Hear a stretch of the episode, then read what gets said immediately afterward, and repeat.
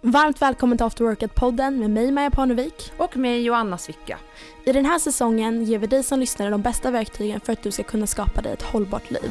Tillsammans med intressanta gäster och experter kommer vi att i varje avsnitt djupdyka i ett ämne som vi anser vara en viktig pusselbit i helhetsbilden.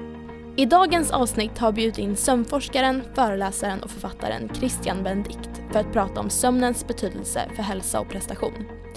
I avsnittet reder Christian ut hur långvarig sömnbrist påverkar såväl minne, immunförsvar och vikt som vår koncentrationsförmåga och våra känslor. Hur många timmar bör man egentligen sova för optimal återhämtning? Kan powernaps kompensera om man har sovit dåligt under natten? Och hur påverkar egentligen skiftarbetande sömn och återhämtningen? Detta och mycket mer i dagens avsnitt.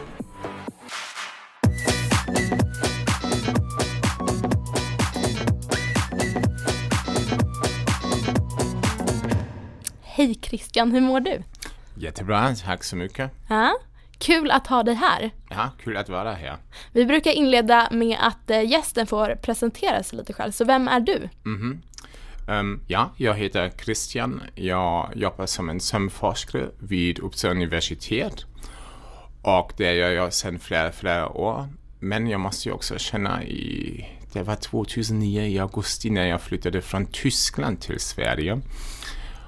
Och sen dess pratade jag framförallt engelska och här och där ibland även svenska, framförallt med mina fotbollspolare som sa nej, du måste prata svenska. Men det kan också förklara varför jag låter som jag låter. Men hur som helst, jag, jag sysslar ju med sömnforskning och det finns olika anledningar. Man undrar varför vill man bli någon sömnforskare? Det är ju ingenting som man kan plugga vid någon universitet. Men förklaringen är att min handledare när jag var forskarstuderande, alltså doktorand, det var Jan Born och han är en väldigt välkänd sömnforskare. Men jag gjorde faktiskt ingen sömnforskning under hans handledning. Men jag tyckte alltid det är så kul, det är också någonting som jag vill gärna göra.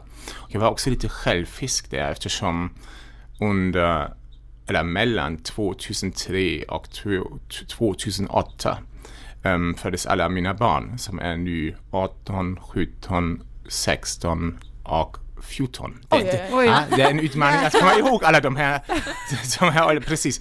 Och det var ju mycket sömnbrist under den här tiden. Mm. Och jag måste ju absolut um, nämna också då Franziska, min fru. Så vi båda hade mycket, mycket sömnbrist och hon kanske ännu mer än jag. Och då vill man ju gärna förstå varför, vad gör det med mig? Och det var ju faktiskt så att man känner av detta när jag till exempel gick storhandla. Det var jag väldigt benägen att um, ja, köpa sådana saker som godis, ja. choklad och skräpmat mm. helt enkelt. Mm. Och det märkte jag. Mm.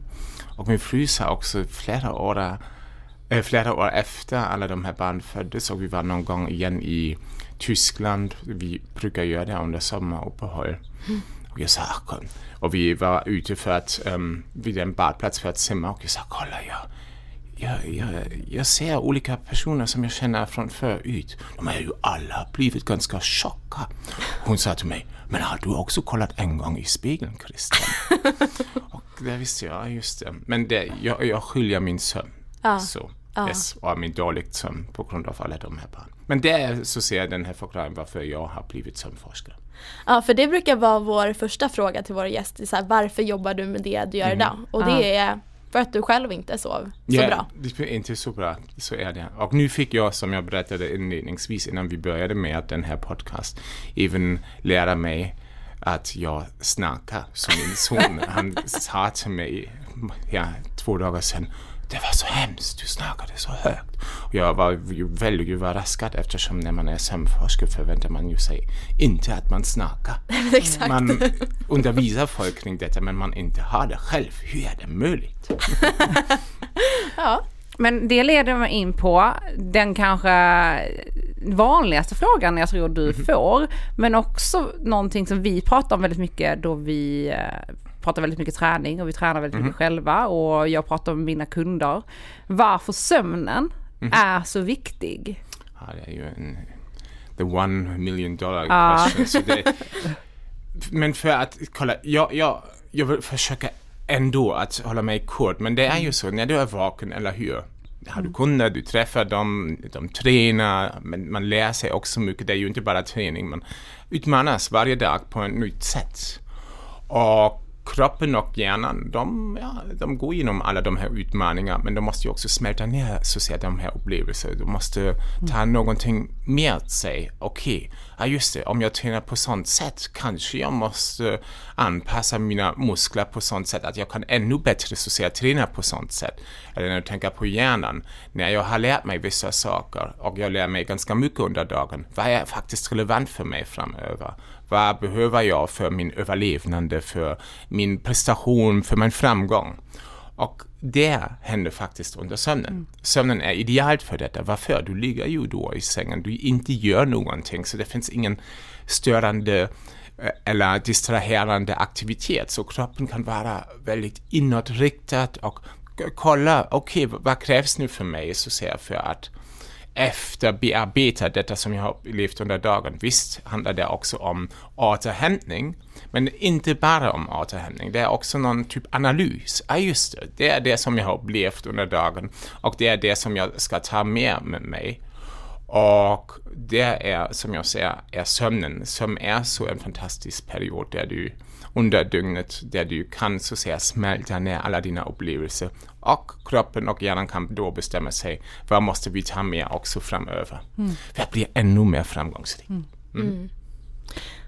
Vad händer i hjärnan egentligen när vi sover? Ganska många tror när man pratar om sömn, vad händer då i hjärnan? Det är ju som en, att man släcker ljuset, eller hur? Och sen har du några timmar där hjärnan är väldigt trött och väldigt långsamt i aktivitet och gör ingenting. Men så är det faktiskt inte. Det är bara en annorlunda aktivitet. Visst är det så att hjärnan dämpar så att säga um, fokus som är inriktat ut till allt detta som omgiver dig i miljön. Den är, den inte intresserar sig likadant för det. Den är mer så, ah, okej okay, just det, nu måste jag gå igenom detta som jag har upplevt under dagen. Och man vet att hjärnan sorterar så ser mina saker som jag har lärt mig och gör då någon bedömning, vad är relevant, vad är inte relevant, vad måste jag ta bort? Det är också någonting som ganska sällan nämns i samband med sömnen att vi inte bara behöver sömnen för att befästa någonting, för att sätta det i en större perspektiv så att vi även har någon, upplever någon aha-effekt. Ja, ah, just det, så är det.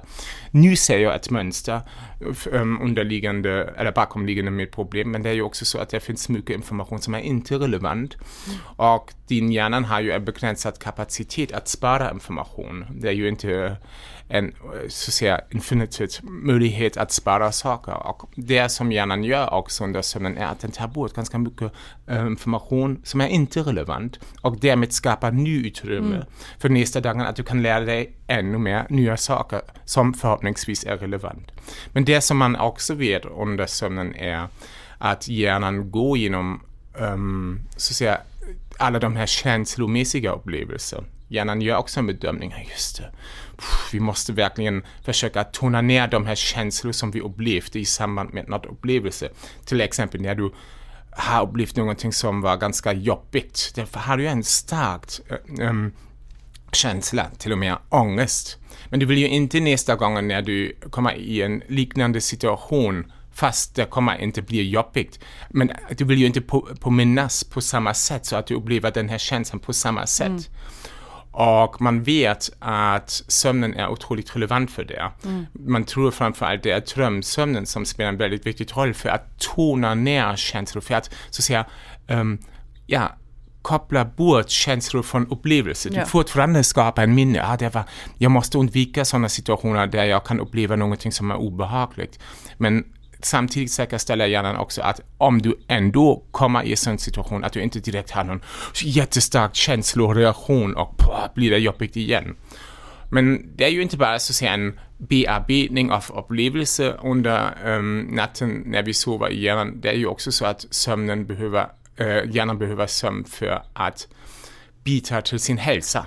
Mm. De har visat att när du sover, och de, jag menar med dem en dansk forskare, Michael Nedergaard, som är ny i Köpenhamn, de har visat och hon har visat med sina medarbetare att när du sover, framförallt när du under djupsömnen, pumpas in vatten i hjärnvävnaden och ur hjärnvävnaden. Och det leder till en flöde av vatten, eller hur? Men det är också som en typ tvättprocess och man vet när man är vaken och jobbar mycket och använder mycket sina hjärnceller att man förbrukar energi. Och när du förbrukar energi, samma sak som i kroppen och i muskler, det produceras också skräpämnen ja, som måste bort. Och hjärnan använder um, inte framförallt, det finns också andra möjligheter, men använder ändå också det här systemet, det här tvättprocess, eller tvätt, ja, um, process mm. under sömnen och framförallt under djupsömnen för att bli av de här ämnen som om de skulle stanna då i hjärnan kan även skada hjärnan på lång sikt. Mm. Så det, det kallas också klumpfatiskt system och det är mm. jätteintressant och kan visa dig, och just det, jag behöver sömn för så många olika, för så många saker när det gäller hjärnan. Mm. Och det som är också viktigt, jag, är, jag har ju sagt jag är en sömnforskare, men egentligen är jag inte riktigt, jag är en sömnbristforskare. Mm. och jag har gjort mycket sömnbriststudier där vi också um, um, gjorde mätningar av biomarkörer i blodet. Mm. Sådana markörer som normaltvis stiger i blodet när du får en hjärnskakning. Ja, när du till exempel ja, har någon olycka eller sånt och har en kraftig smäll mot huvudet. Det är det så att hjärnan också påverkas och där kan du mäta så att säga, de här biomarkörerna, de här stressmarkörerna i blodet. Och vi har sett en enda natt av sömnbrist utan att din hjärna, att du har någon hjärnskakning, alltså en enda natt av sömnbrist räcker för att de går upp i blodet Oj. bland friska unga personer. Mm. Vad innebär detta? Det innebär att även om du är ung kan du inte säga jag kan sova när jag är gammal, nu är det inte så relevant, jag kan prioritera detta. Nej, det är inte sant eftersom om du kollar på sådana saker verkar det ju så att även så tidigt som i en, när du är en ung person behöver du sömnen för att bidra till hjärnans hälsa. Ja. Det är ju också till, till, till, en viss utsträckning logiskt att man behöver, hjärnan behöver en tid under dygnet. Den kan, ja, den kan mm. återhämta sig, ja. eller hur? Men om vi går back to basics då, yes. hur många timmar ska man sova per natt? Mm, det är, kolla, om du kollar på populationsstudier, det vill säga man gör stora enkätstudier och frågar dig, mig, oss alla, hur mycket sover du? Hur bra sover du? När sover du? Och samtidigt frågar man, har du diabetes? Har du fetma eller övervikt? Um, har du någon förhöjt, förhöjt blodtryck och så vidare? Det kan man göra um, analys, finns det någon koppling mellan de här olika sakerna som vi har frågat?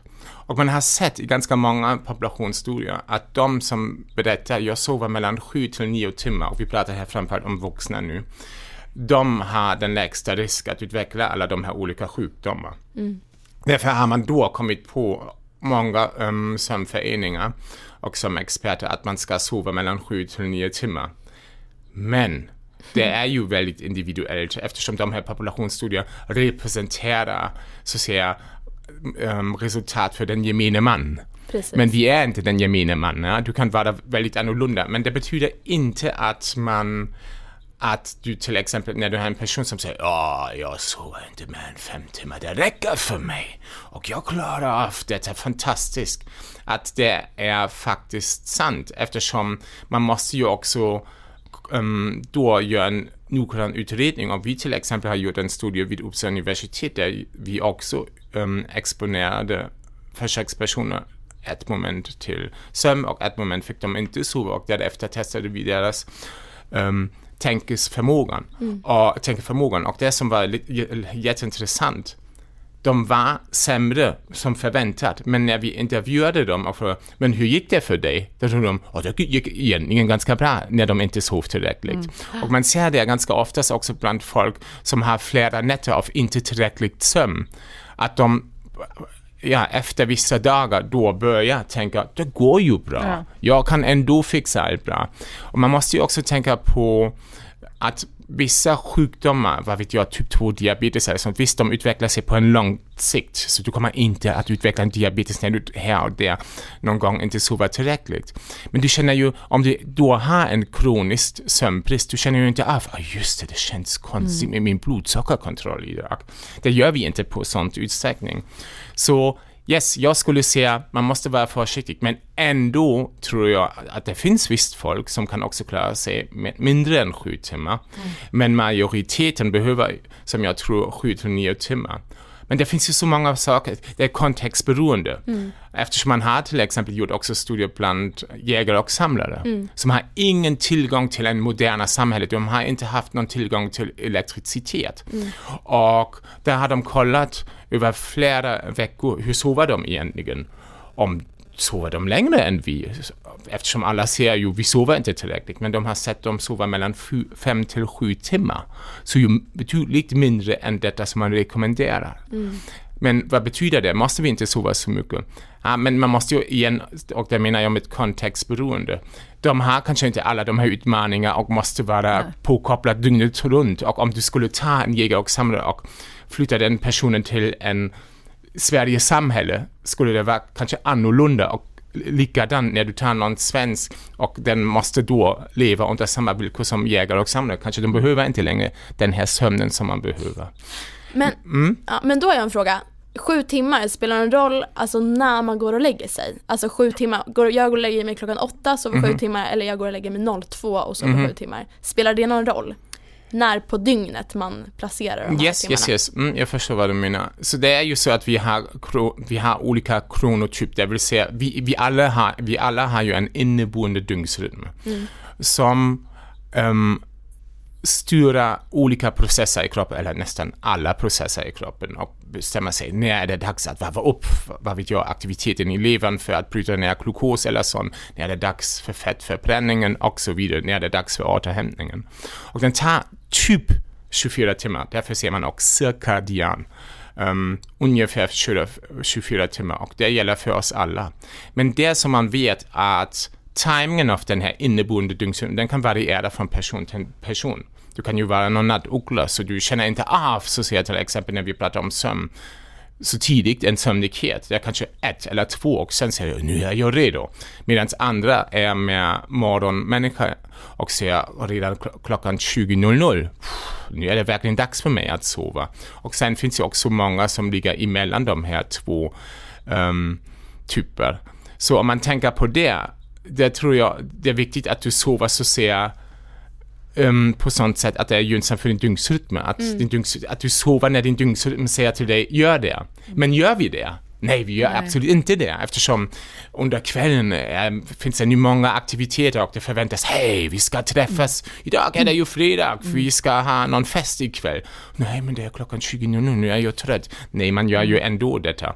Eller när man är en nattuggla, ja, där har man svårt så att säga att sova och måste ändå gå upp under morgonen, så vad vet jag, klockan sex eller sånt, eller sju för att komma till skolan eller till jobbet. Ja, då löper de också risk att sova inte tillräckligt. Och för de som är morgonmänniska och tvingar sig att hålla sig längre vaken, de ändå vaknar då under morgonen klockan fem, eftersom deras dygnsrytm säger hej, det är ju n- vår normal tid att gå upp. Ja.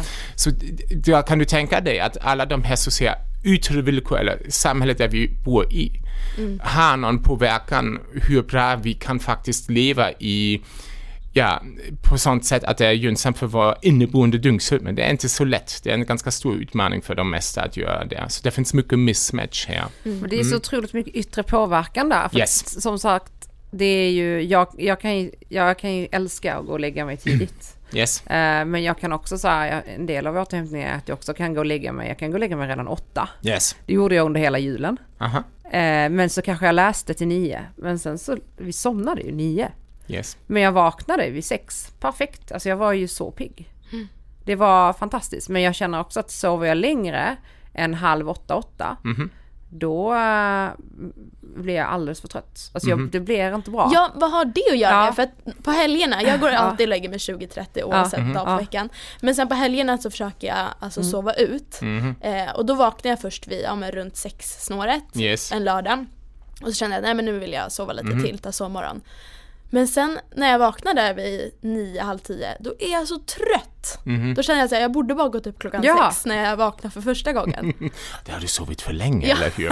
ja, men det, det finns olika förklaringar. Så en förklaring är, det är ju så om du tänker på sömnen och hjärnans aktivitet, den här aktiviteten kan ju variera beroende på i vilken sömnfas du befinner dig. Och om du då ser, ja, vaken, vakenhet är annorlunda och när du vaknar måste du ju så att säga skapa där uppe i hjärnan de här neurobiologiska um, villkor som du har under vakenhet. Och det tar ju sin tid att skapa dem beroende på i vilken sömnfas du är. Där kan man uppleva sånt som kallas sleep inertia, att man känner sig jättekörd och inte utvilad överhuvudtaget. Och det händer framförallt när du vaknar utifrån djupsömnen. Ja. Men det kan ju också vara så att man, man, får inte glömma heller att vi har någonting som kallas Basic Rest Activity Cycle som vi har hela dagen och den tar typ 90 minuter. Det vill säga inom 90 minuter är det så att vi har tider där vi känner oss väldigt piggt, alert och andra tider eller perioder under de här 90 minuter där vi känner oss lite hängig, inte så fokuserade.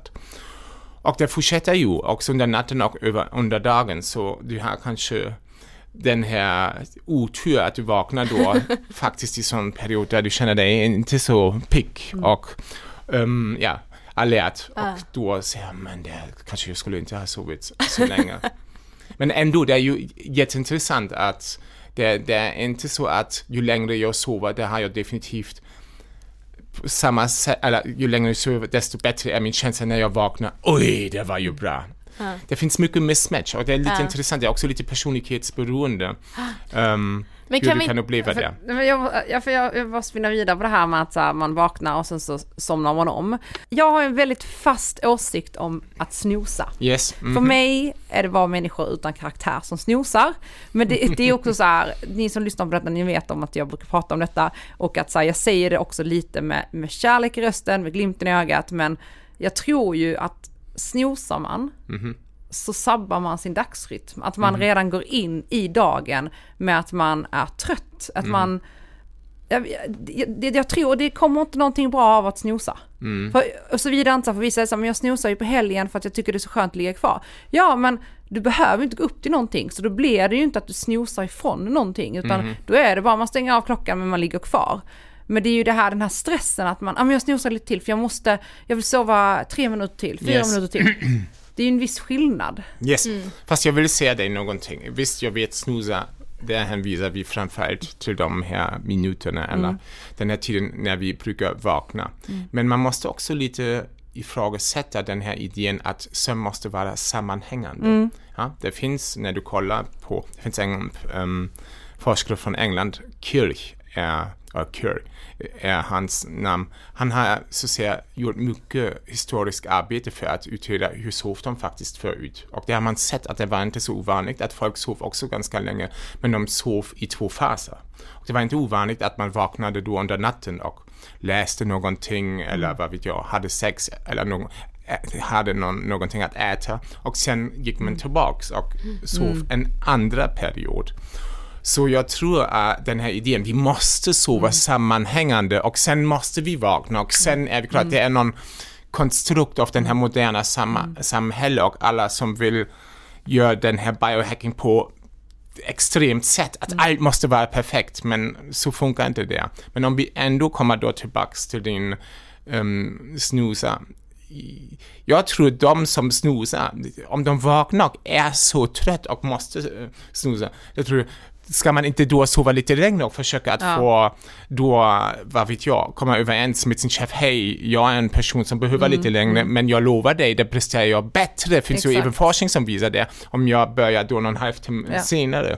Eftersom jag kan också tänka mig att det kan vara väldigt jobbigt när du vaknar då, är det normaltvis så att under när du vaknar och då får ljus i ögat, att du igångsätter kroppens stresssystem.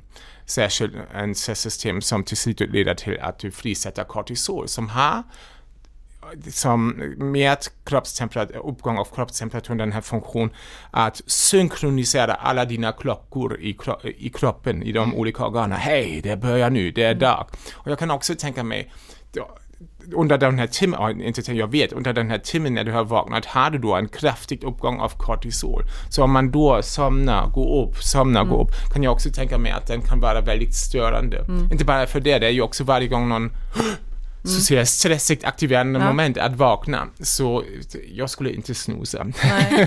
Nej, men jag tror... Jag skulle tror- hellre säga jag sover så länge som jag vill Ja. och sen går jag upp. Eller lägger sig tidigare på kvällen. Eller men så, också så här mm. att vi, bor, vi lever ju också i ett modernt samhälle nu att många gånger, och jag vet de facto att det finns människor i min omgivning som har pratat med Mm. sina chefer eller med sitt team, man Mhm. jobbar ofta som team och sagt så här, vet ni vad, jag kommer börja en timme senare, jag, men jag, jag kommer jobba in. Yes. jag kommer jobba senare eller jag kommer liksom förlägga det på dagen. Yes. Och det har funkat ypperligt. De Ja, har presterat absolut. för att de har bara för den Absolut. dygnsrytmen. Det finns forskning för. Det Ja. finns forskning, en väldigt um, berömd um, kronobiolog, som Mm. en person som sysslar med dygnsrytmer och hur den påverkar vår hälsa. Han kallas Till Rönneberg. Han är nu pensionerad, men han var professor i München.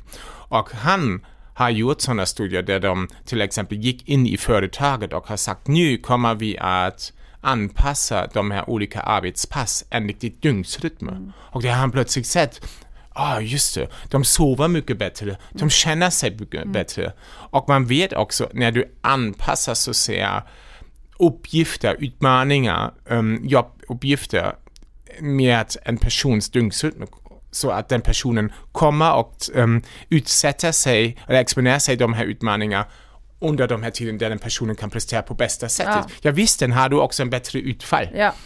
Och det har ju en stor nytta också för företaget. Ja. Det är ju inte bara eh, re- relevant för den personen som, som vi pratar här om, det är ju också relevant för hela företaget om du har lyckligare och bättre presterande medarbetare, ja, då kommer du också lyckas som företag mycket bättre.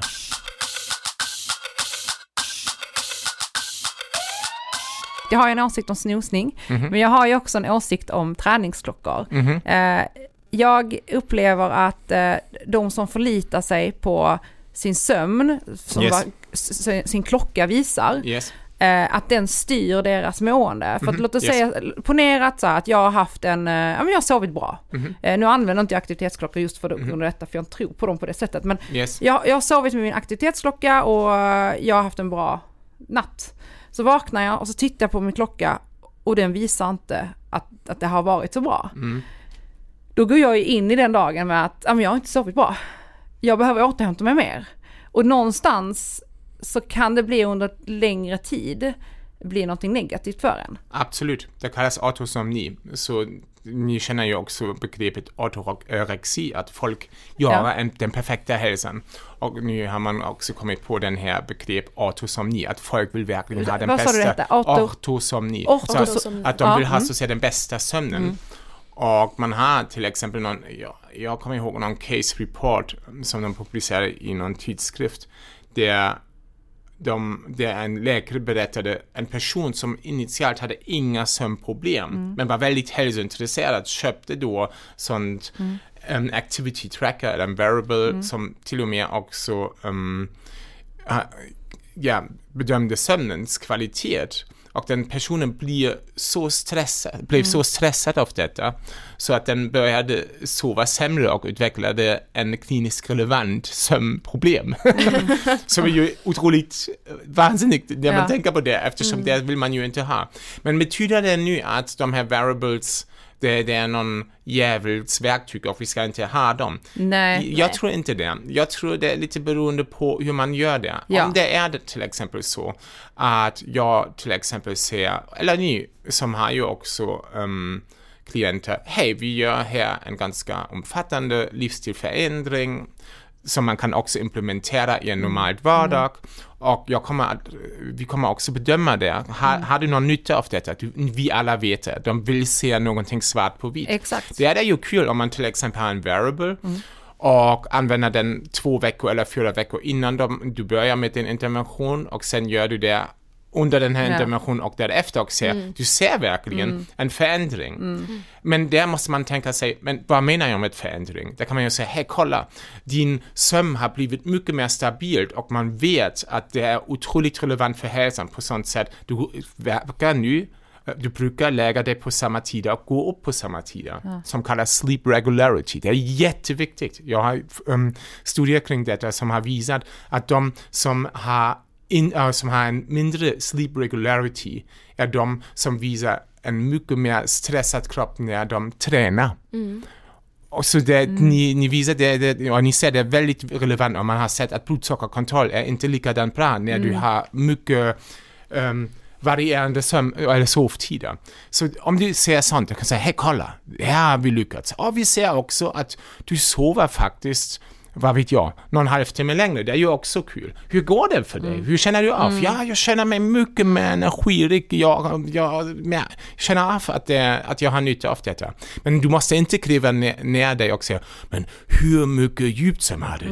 Oj, oj, oj, oj, Nej. vi måste ju komma upp till 50 procent Ja. eller sånt. Det är ju nonsens eftersom de har begränsningar, de blir bättre och bättre med tanke på de här variables, med tanke på hur många på hela världen använder dem. Så de företag har mycket nytta av mycket information som de kan använda ännu mer för att använda också lite um, AI, artificial Ja. intelligence, för att förbättra så att sin, um, sina verktygs um, att bedöma Ja. sömnen. Men frågan är, är det relevant?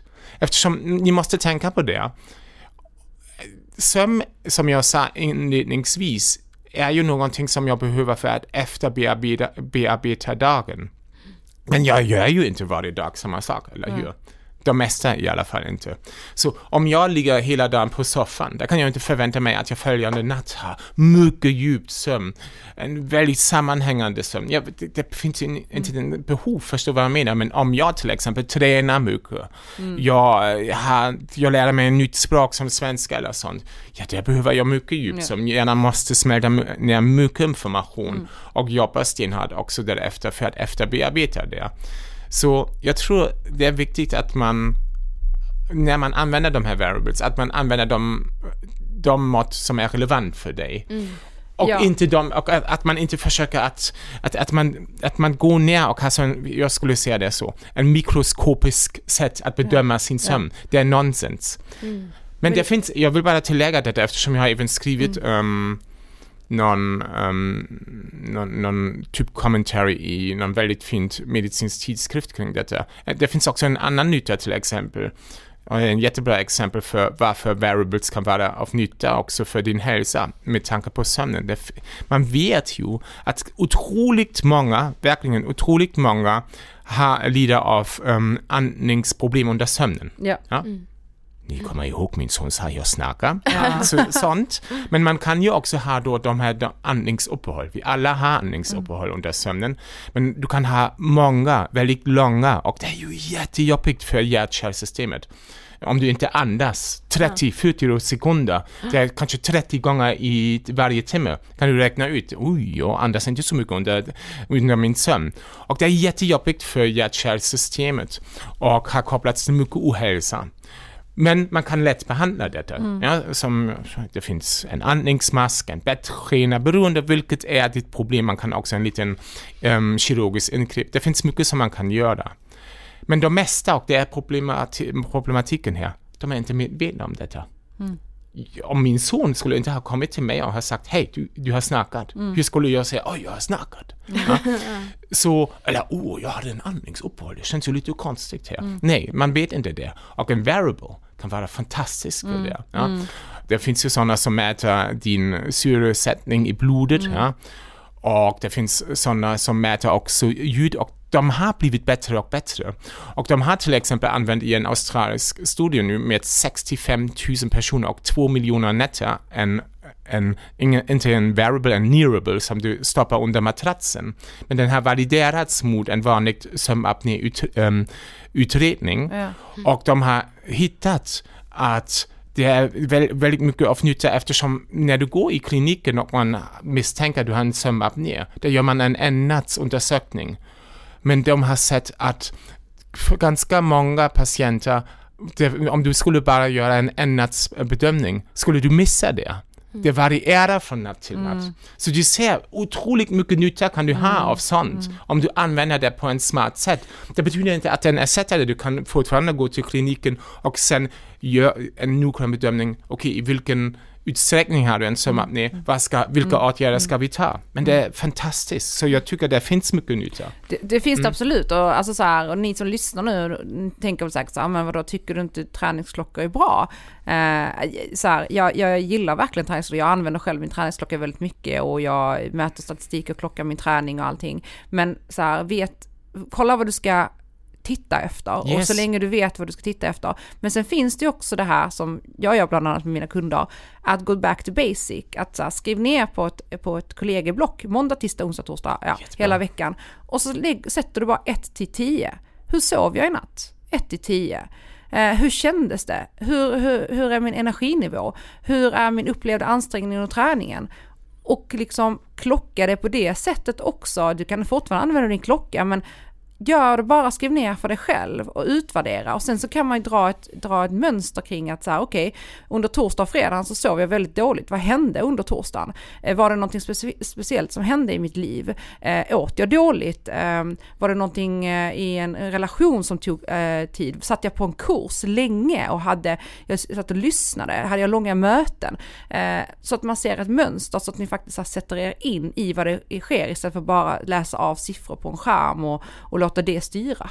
Du ska bli, eller du skulle vara en sömncoach, en fantastisk sömncoach eftersom det är det som jag ser. Nej, hittat så, som, nej men som jag ser Ja. också hela tiden när folk pratar med mig. När det gäller sömnen Mm. är det en fråga av ett mönster. Mm. Du kan inte skriva med ett e-mail och säga hej förra natten sov jag så. Nej. Eller, även periodvis. Ja, man vet om man till exempel får småbarn eller så. Jag, eller jag har mycket att jobba. Jag visste, jag måste bara så säga acceptera att det blir inte så bra nu. Nej.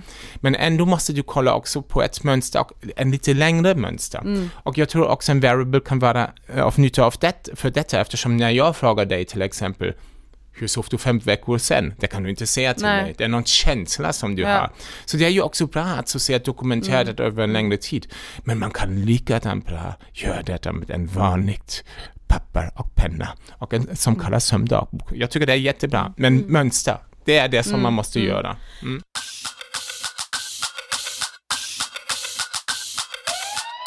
Jag är lite eh, intresserad av så här, vad är det som händer när man somnar? För att jag tycker det är väldigt Mm. obehagligt när tanken av att så här, nu blundar jag och sen på tre sekunder så är jag bara Ja. borta. Mhm. Alltså vad är det som händer liksom me- mellan det spannet från att jag blundar till att jag poff! Så, Ja, jag, jag, förstår exakt vad du Ah. menar. och så glömmer man liksom tid och rum Ja, och sen ja, ja. har man bara sovit i Du är liksom timmar. medvetande. Nej. Du, var, var, var försvinner jag? Fast man måste ju också erkänna någonting, eller hur? Ehm, när du tänker också då på drömmar eller sånt, eller som överhuvudtaget, det är ju svårt att fatta det med någon tids, eller att, att fatta tiden under sömnen, eller hur? Du kan ju till exempel drömma, ha den känslan att det var veckor eller sånt. Och sen kollar man på någon sömnutredning och säger, men du var ju bara fem minuter i drömsömn. Vad? Hur är det möjligt? Och man kan ju också ha sådana upplevelser när man då somnar. Och det gick ju så snabbt. Men det är ju så att säga en... Det, det, det, är, det är inte en sån process att, att tända eller släcka ljuset. Nej. Det är ju en transition som tar sin tid. exakt. Visst, lite beroende på hur sömnig du är.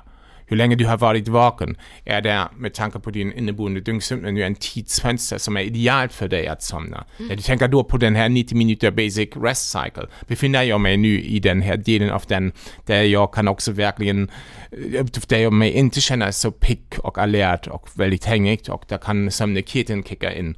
Plus vad min dygnsrytm över 24 timmar säger till mig. Så jag tror den här tidsuppfattningen, det är ganska svårt. Mm, att, eh, och det är, jag skulle även säga det är någonting som, som är fortfarande också my- mystiskt. Man fattar inte riktigt hur det är möjligt att vi kan ha en så otroligt, så att säga, ja, en, en upplevelse som, som matchas inte med den här tiden där vi somnar egentligen. Men det som jag vet är, när vi kommer då tillbaks till um, minnesbefästning, det är ganska ofta så att en, när du är vaken, vi ser nu, du är 16, 16 timmar vaken och du sover 8 timmar och du har ju framförallt till exempel djupsömnen där du har mycket av den här um, memory replay, där du går igenom detta som du har lärt dig. Um, det är ju inte så att 16 timmar kan packas in i 8 timmar, det är ju omöjligt. Mm. Det är ju enkel matematik. Mm. Och det som man vet är att hjärnan prioriterar vissa saker som tas upp igen. Mm. Och det görs under vakenhet med att, att jag har en stark aktivering av belöningssystemet. Just det, det är ju relevant. Mm. Det skriver också ner en del i hjärnan som kallas hippocampus. Det är väldigt relevant, vi måste ta upp det under följande sömn. Eller när man aktiverar sin amygdala, den här mm. känslocentrum nu kanske det är väldigt obehagligt. Det är ju också relevant för mitt överlevnande. Det är ju någonting som kan vara, representera en fara. Så sådana minnen tas upp. Men det som man vet också samtidigt, när du tänker till exempel på en pianostycke och du spelar det och du behöver en viss, så att säga, um, dynamik för att spela det och en hastighet för att spela det. Man vet under följande sömnen spelar du vissa delar av den här stycket igen, men väldigt tidskomprimerat. Mm. Så väldigt snabbt, i en väldigt kort tid går du igenom detta. Det är som att du snabbt spolar genom någon film. Och så gör det också hjärnan. Mm. Och det kan kanske också eh, på något sätt vara en förklaring varför vi kan uppleva så mycket under så en kort tid, eftersom mm. hjärnan har ju inte så mycket tid att i, på samma, på samma, med samma hastighet att gå igenom detta som vi har upplevt under föregående dagen. Då måste du sova 16 timmar, det mm. går ju inte. Men skulle mm. du säga att så här, drömmar kan påverka ens kvalitet på sömnen om man har mycket mardrömmar? Ja, absolut. Ja. Så om du har så, drömsömn, det, jag tycker det är också viktigt, när, det vill jag också komma tillbaka mm. till de här variables och hur mm. mycket sover jag i de olika sömnfaser. Mm. Alla sömnfaser är relevant, till och med också drömsömnen där vi har de här um, emotionella um, drömmar, fast mm. vi har också drömliknande upplevelse i andra sömnfaser när vi um, vaknar utifrån dem, men de är mer faktarelaterade. Mm. I djupsömnen, sa jag, kommer du också att ta upp mycket fakta och sånt för att befästa detta. Så du kanske, när jag väcker dig utifrån djupsömn, säger att det var mina tyska klossor som jag tänkte på. Men mm. under drömsömnen, där har du så att säga de här livliga, diffusa um, drömmar. Men om man tänker på det, att vi har alla de här sömnfaser och de är, befinner sig också då i en viss anordning tror jag att de måste alla ha någon nytta eftersom evolutionen är så smart att behålla det, bibehålla detta som är relevant och ta bort detta som är inte relevant. Mm. Så varför skulle Moder Natur bestämt sig att bibehålla sömnen med alla de här olika sömnfaser i den här specifika anordningen i en sömncykel om de inte skulle uppfylla en viss funktion? Så jag tror att allt räknas. Mm. Men absolut kan det vara jobbigt också att sova, som du sa med de här mardrömmar. Och när man har återkommande mardrömmar kan det leda på lång sikt till att man har någonting som kallas sleep onset latency. Att du inte vågar somna eftersom du vet mm. att kommer jag att ha den här mardrömmen. Mm. Man vet att barn har mycket mer mardrömmar än vuxna, men du kan också som en vuxen ha mycket mardrömmar om du har haft någon traumatisk upplevelse. Men också när du till exempel har en obehandlad sömnapné. Mm. Det är inte så mm. osällan heller att man har då mycket av de här um, mardrömmar. Um, men vad kan man göra då? Sömnapné, det är ju såklart, måste man behandla den. Men när man har då till exempel ett barn som oroar sig så mycket, där kan man, eller som en vuxen, där kan man någonting som kallas imagery, imagery rehearsal therapy. Så det som man gör är att man skriver ner drömmen, men sen skriver man om drömmen. Mm -hmm. ja? Så att man Jaha. tänker sig, just det, normalvis i min mardröm är det så att jag öppnar den här dörren och det står den här Christian Benedict och pratar rotvältskap, det blir så hemskt för mig. Ja. Men nu skriver vi om detta och säger vi inte öppnar den här dörren, mm. Istället lämnar jag huset och går till trädgården och har det kul och spelar fotboll eller vad vet jag. Och du kan göra detta, du gör inte det en gång, men du, så att säga, du medveten um, exponerar dig problemet och försöker hitta lösningar. Och det är det så att du då under följande sömn har, en bättre, har bättre odds att hjärnan så att säga kommer ihåg det och vet, ah, just det, nej, men nu ska vi så att säga göra detta som vi har ju bestämt oss mm. förut. Och det är ju jättekul eftersom du blir lite eh, som en lucid dreamer, som en klar drömmare, att du skapar en medvetenhet i, sam, ja, i kontext av den här mardröm. Mm. Om vi spinner vidare på det, för jag hade en kompis för några mm. år sedan som sa att han hade börjat skriva ner alla sina drömmar, så fort han mhm. vaknade så skrev han ner vad han yes. hade drömt. Och sen till slut så bidrog det till att han blev medveten när han drömde så att han kunde börja styra sina drömmar.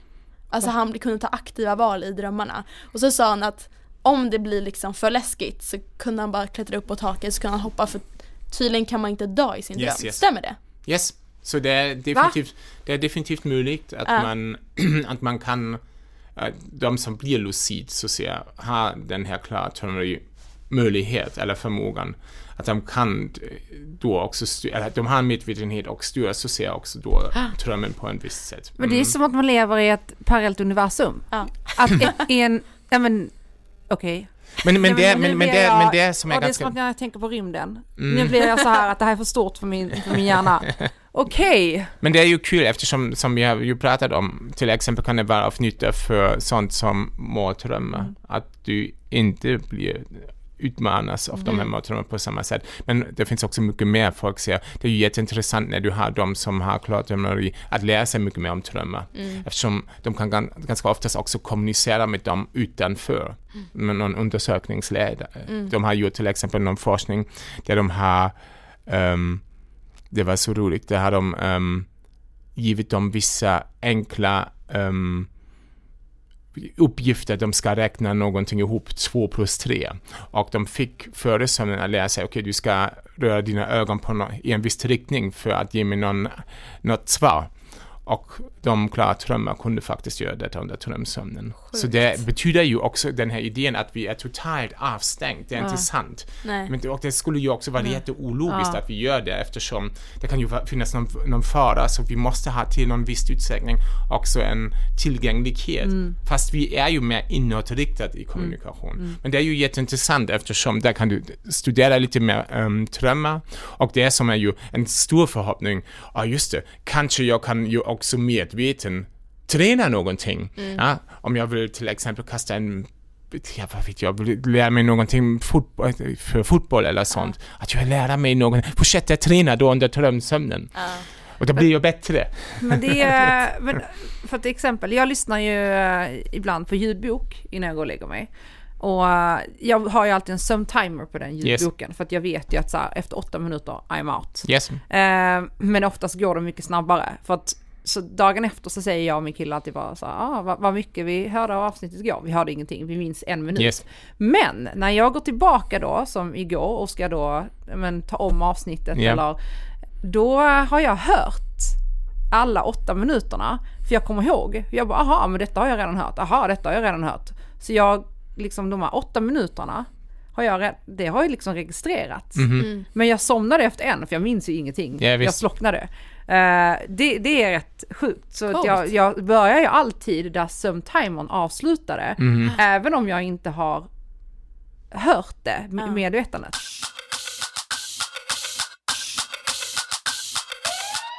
Jag skulle vilja gå in på, för du är ju specialiserad inom sömnbrist. Va, Mhm. vad, vad bidrar det till? Det bidrar ju säkert till en På- miljard grejer. Ja, ja, absolut, absolut. Men det som jag vill se som en viktig sak innan jag börjar är att hälsan och prestation beror på många faktorer. Det är inte bara sömn, men forskning har ju kommit fram. Sömn är en del av hälsoekvationen, ekvationen bakomliggande prestation, välmående, absolut. Men du får inte överdriva detta och säga, ah just det, när jag har inte en bra sömn, det är det kört för mig. Så är det inte. Det finns många andra saker som är viktigt som fysisk aktivitet, matvanor, att du går regelbundet till hälsokontroll, det är ju också jätteviktigt, eller hur? Att du umgås med folk, ja. Så det finns mycket som man, att man tar sina, ähm, sin medicinering när man får den och inte bara säger, åh, nu har jag börjat att käka blodtryckminskande läkemedel och sen går jag till läkaren och säger, ja, nu är den ner. Ja, just det, kan jag sluta? Nej, det ska du inte. Du ska fortsätta för att behålla den på den här fin nivån. Men ändå spelar um, ju i någon roll och på kort varsel har man hit, ser man att folk har svårt med inlärningen, att vara fokuserad, man är mycket mer impulsivt, man har en kort stubin. Ja. Om det är till exempel jättejobbigt, du sitter i en stor kontor och alla pratar med varandra och du har någon, någonting att göra, någon uppgift, det, blir, det känner du av också, så ser den här kroppslig, kroppslig stress, att den verkligen påverkar dig till en större utsträckning. Du har inte på samma sätt den här möjligheten att vara fokuserad och så att säga, ja, säkerställa att alla de här sakerna omkring dig inte påverkar dig. Som kallas också selective attention. Och ja, man vet också att Karolinska institutet, Jon Axelsson har visat det, att folk som inte sover tillräckligt eller inte överhuvudtaget uppfattas som mindre attraktivt och trovärdigt. Då kan man ju säga, men är det relevant? Jag har ju kanske medfört attraktivitet. Jo, det är ju relevant. Eftersom det finns även till och med forskning från USA som har visat när man tar någon um, person som marknadsför en produkt när man spelar in en video på samma sätt, allt är samma, äh, samma sak upplägget.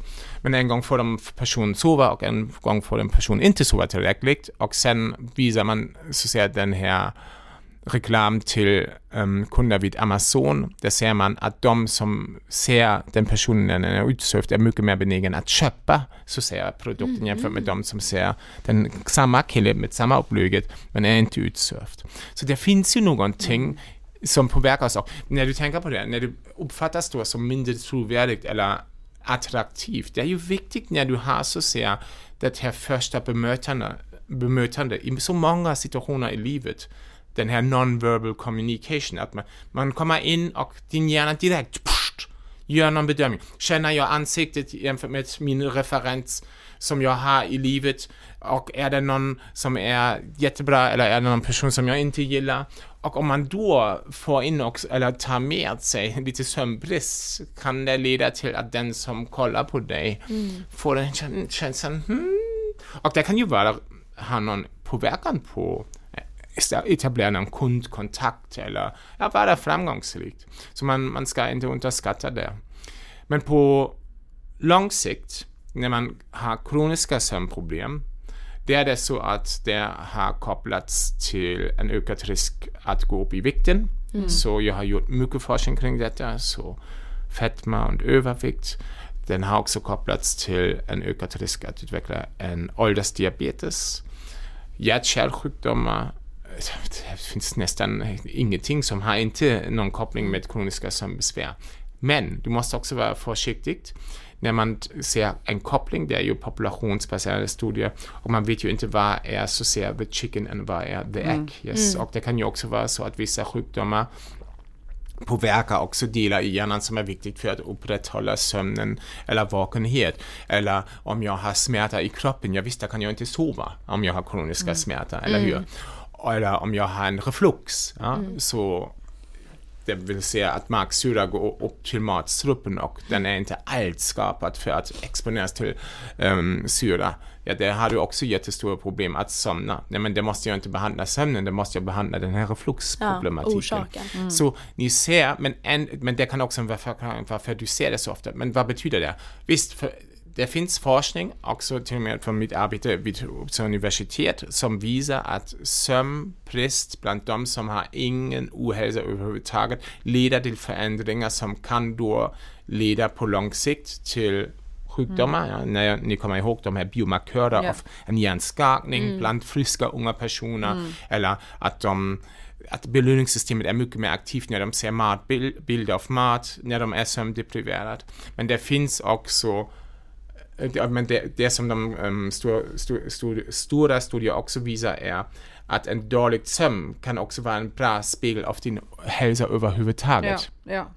Mm. Så, men man vet inte, men det är det som jag försökte att säga, det betyder inte att sömnen alltid um, kausal bidrar till din sjukdom, men det kan vara så att din sömn påverkas av din sjukdom. Mm. Och därför är sömnen också en mm. ganska bra um, mått för att ah, det är någonting. Mm. Men uh, jag tänker för att vi ska wrap it up lite så yes. tänker jag att den sista, det är en skiftarbetet. Mm. Jag vill också fråga om powernaps. Ja, men, ja. ja mm. men kör, kör uh, powernaps och så Jag vill säga att man har sovit dåligt en yes. natt. Mm. Eh, går det att ta igen det genom en powernap på eftermiddagen? Jag skulle rekommendera om man inte har sovit tillräckligt att man då definitivt har mm. någon sömn och återhämtar sig. Och som jag sa ju förut, den här idén att vi måste ha en sammanhängande sömn och minst åtta timmar eller sju timmar. Mm. Jag tror inte att det är så nödvändigt. Du kan också ha, jag tror du ska överhuvudtaget ska du ha den längsta perioden under natten men du kan också ha en kort period, ursäkta, under dagen. Mm. Ja. Men det beror ju också lite grann, vad är ditt problem? Om du då säger att jag har svårt att sova under natten, kan det också hänga ihop med att du har varje dag typ två timmars tupplur. Det ska du inte göra. Eller du kan ju också ha nio timmar under natten, men kvaliteten av sömnen är så dålig så att du måste sova i kapp under dagen med en längre tupplur. Men att ha en powernap, det är ju jättebra, men även här tycker jag att vi ska vara försiktiga. Jag tycker den här um, syfte att jag tar mig en downtime är jättebra.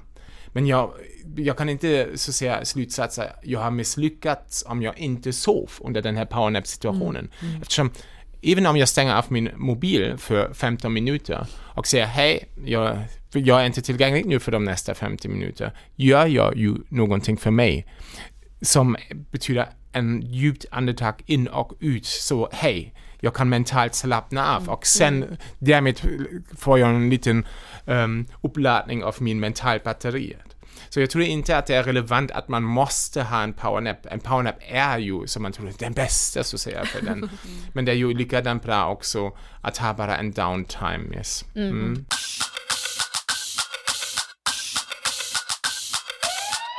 Vi har ju liksom kommit fram till att så här, sömnen är crucial. Vi behöver ju sömnen, vi behöver bra sömn. Yes. Så vad händer om du jobbar skift? För här är det ju det att du får ju sömnrubbningar när du jobbar skift. Mm. Så hur, hur påverkar skiftarbete och hur kan de som, skift, som jobbar skift, för det, man, man kommer ju behöva jobba skift, det finns ja, yrken som, som kräver det. Hur kan Särskilt under pandemin. Ja, precis. Och hur mm. kan människor som jobbar eh, skift eh, underlätta och påverka sin sömn till det positiva?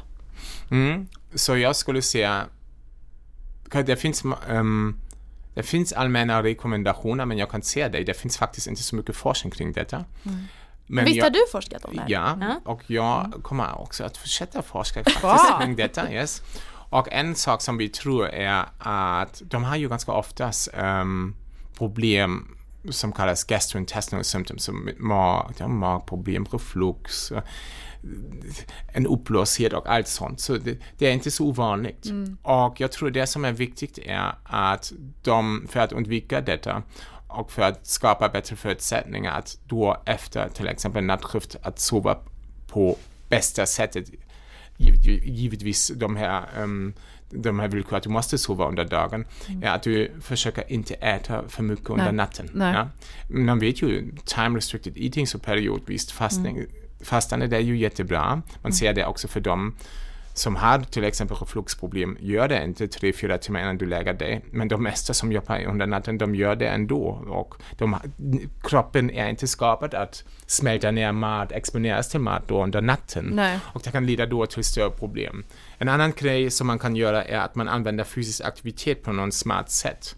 Eftersom man vet när man till exempel sent under dagen um, gör fysisk aktivitet kommer du att senare lägga din dygnsrytm och därmed också den här tidpunkten när du känner dig sömnig. Medan när du gör det under dagen, där kommer du tidigare lägga detta. Ja. Så du, du kan utnyttja detta på något smart sätt ljus din, i omgivningen där, ju, där du jobbar kan ju också ha en stor påverkan. Så man kan ju till exempel använda detta så att man under de första timmarna där man vill hålla sig alert och vaken använder mycket till exempel ljus som innehåller mycket blåljus. Mm. Medan när du närmar dig då de sista timmarna och också att du går hem och vill sova kommer du att göra den lite varmare och minska den här blå delen av ljuset för att förbereda mm. kroppen. Mm. Det som är också viktigt, jätteviktigt tycker jag, är att man när man är då hemma kommer överens med sin sambo eller med sin familj att man får sova. Ja, ja. ja, och att man har en bra sovmiljö som är skapad för mm. detta. Men ändå måste man ju bara erkänna, det är inte så lätt eftersom det är ju, vi jobbar emot vår emot vår inneboende dygnsrytm ja. som egentligen säger Hey no, it's time to sleep. Mm. Och det är en utmaning, men vi kan ju använda då de här olika mått för att så att säga underlätta detta, men vi, blir, vi kommer aldrig ha en, en sömn under dagen som mm. liknar en sömn mm. under, under mm. natten. Nej. Nej då finns du, du, du, har faktiskt inte de här förutsättningarna mm. för det. Men det som du kan till exempel också göra, då kommer vi tillbaka till den här power nap-grejen, mm. fast det är lite längre nap. Du, du, kan då säga, okej, okay, jag sover tre, fyra timmar. efter jag har kommit från jobbet. Och sen tar jag en längre nap, en tupplur senare under dagen. Det är ju också en möjlighet för att fördela det lite grann. Så att man kommer på en viss um, sömnlängden så att man kan hantera detta bra. Men ja, det är utmaning och det finns också olika faktorer som kan ha en påverkan på det. Men koll, följ mig och då kommer ni att se mer om detta framöver. Spännande. Spännande. Det var ett spännande avslut. Ja. Eh, vi brukar avsluta varje avsnitt med att vår gäst får eh, utmana våra lyssnare med någonting som så här, veckans utmaning. Yes. Så har du något, eh, någon utmaning som du vill dela med dig av? Yes! Det pratas ju så mycket om mobiler och skärmar i samband med sömnen och att det är så dåligt och vi, vi inte umgås med andra och så vidare. Men jag har en bra idé för att hur kan man så att säga träna lite själv att man inte använder mobiler för mycket under kvällen och det kan man ju testa för sig, eller hur? Gör det så att varje kväll efter klockan 20.00 får du använda din mobil bara när du står, inte när du sitter eller ligger. Och det kan ju säga dig bra. att det blir en jättestor utmaning för dig eftersom inte någonting är så tråkigt att ha en mobil när man står och läser på den. Det var riktigt bra utmaning. Ja. Det sa jag faktiskt till eh, Robert här om veckan för då nu under julen så har min eh, sömn rubbats lite eller det har varit lite senare kvällar och längre somrar och när jag skulle gå tillbaka till Mhm. vår vanliga rutin så hade jag så svårt att somna. Mm. Yes. Och då sa jag så här, nej nu klockan sju så ska jag lägga ifrån mobilen för att man blir ju så himla Det är så mycket intryck och då blir det så svårt att, att somna. Yes.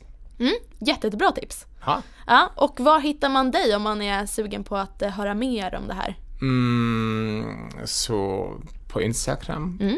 finns jag, det är sleep understreck advocate. På Twitter samma sak. Mm. LinkedIn är jag, tror jag, Christian Benedikt. Jag har någon webbsida som kallas benediktlab.org.